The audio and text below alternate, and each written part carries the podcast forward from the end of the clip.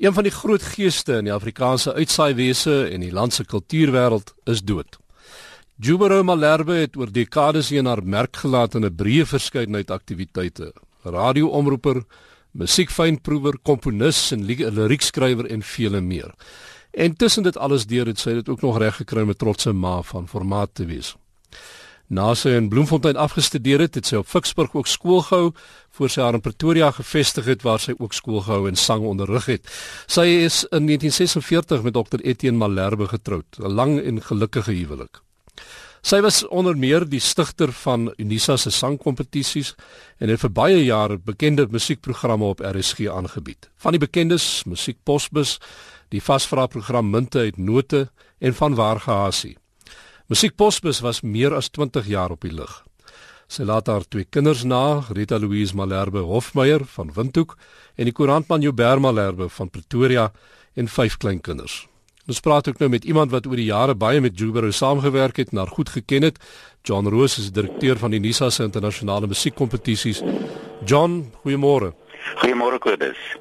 Ek het nou vir haar probeer beskryf, nê, nee, maar ek meen uh, hoe meer ek daaroor gepraat het en geskryf het, hoe meer het ek besef dat daar sy was so 'n uh, 'n groot mens, so 'n volronde mens dat dit is bitter moeilik om haar eintlik net op 'n stukkie papier vas te vat.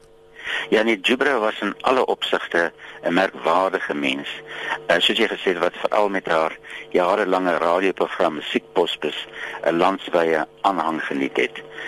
Uh, sy het veral bewondering afgedwing vir die manier waarop sy in haar program blootstelling gegee het aan jong opkomende Suid-Afrikaanse musisië, maar ook aan die ouer garde wat uh, kunstenaars wat hulle nie vergeetlikheid geraak het. Uh, persoonlik het ek met Jubra en haar man Etienne kennis gemaak toe ek in die 60er jare musiekstudent op Tikkies was en watter kultuurbastions was beide van hulle nie. Voor die dae van staatsteaters en streekverrade was Jubro en Etienne leidende figure in Pretoria se musieklewe.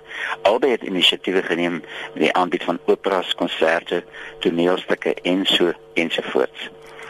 Uh, wat 'n rolmodel is Jubro nie vir ons hedendaagse musiekmense nie. Sy het nie gewag vir staatsinstansies om kreatiwiteit te aktiveer nie, maar dit self haar drome nagejaag.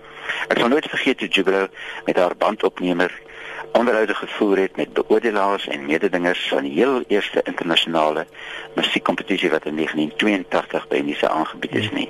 Sodoende het sy gesorg dat die hele land deur middel van radio kennis geneem het van hierdie geskiedkundige geleentheid. Gibran en haar man Etienne was ook wonderlike gasouers van kompetisie mededingers. Die Kanadese pianis Mark Andre Hamlin en die Amerikaanse sopran Renee Fleming was byvoorbeeld van hul gaste wat intussen wêreldberoemd geword het. Die Brasiliaanse vir en entoesiastiese ondersteuning van talle jong musisië oor taal en kleurgrense heen was legendaries. Self was sy musikaal uiters begaafd en intelligent wat die geheue van 'n olifant gehad het. Sy het die siel van 'n kunstenaar deur en deur verstaan. Gibro laat 'n groot leemte, ons gaan haar mis. Maar soos ek haar geken het, sy niks haar groot vreugde verskaf het as dat die kultuurvakkel wat sy in haar hele lewe so passievol gedra het aan die jonger oorgarde oorgegee word nie. The show must go on was vir haar 'n missie.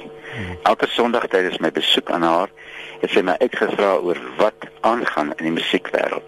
Wie tree op in watter konsert? Graag simpatiseer ons met haar familie, met die heengaan van 'n moeder en 'n grootmoeder. Ons sal die nagedagtenis van hierdie kultuurpionier eer. Ek uh, wil by jou aansluit daar John dat uh, want ek het haar ook op 'n besondere manier geleer ken as student en uh, daarna uh, in 'n tyd toe 'n groep studente ook byvoorbeeld 'n uh, bietjie teespoed met die universiteit opgetel het bietjie in 'n 'n tweespalt betrokke geraak het en toe hulle 'n koor gestig het. Ehm um, en sy was onmiddellik by om te sorg dat hierdie jong mense kon aangaan en 'n koor wat daarna nog vir oor die 20 jaar in Pretoria diep spore getrap het. Uh, so sy was iemand wat altyd vir die jong mense vir al 'n groot passie gehad het en gesorg het dat hulle betrokke raak en en aanhou in hierdie kultuurwêreld. Ja nee, sy het 'n leidende rol gespeel in stigting van die Adlibitum koor, is dit ja, waarna jy verwys. Absoluut. En ehm um, ja, dit talle voorbeelde soos hierdie kan 'n mens noem.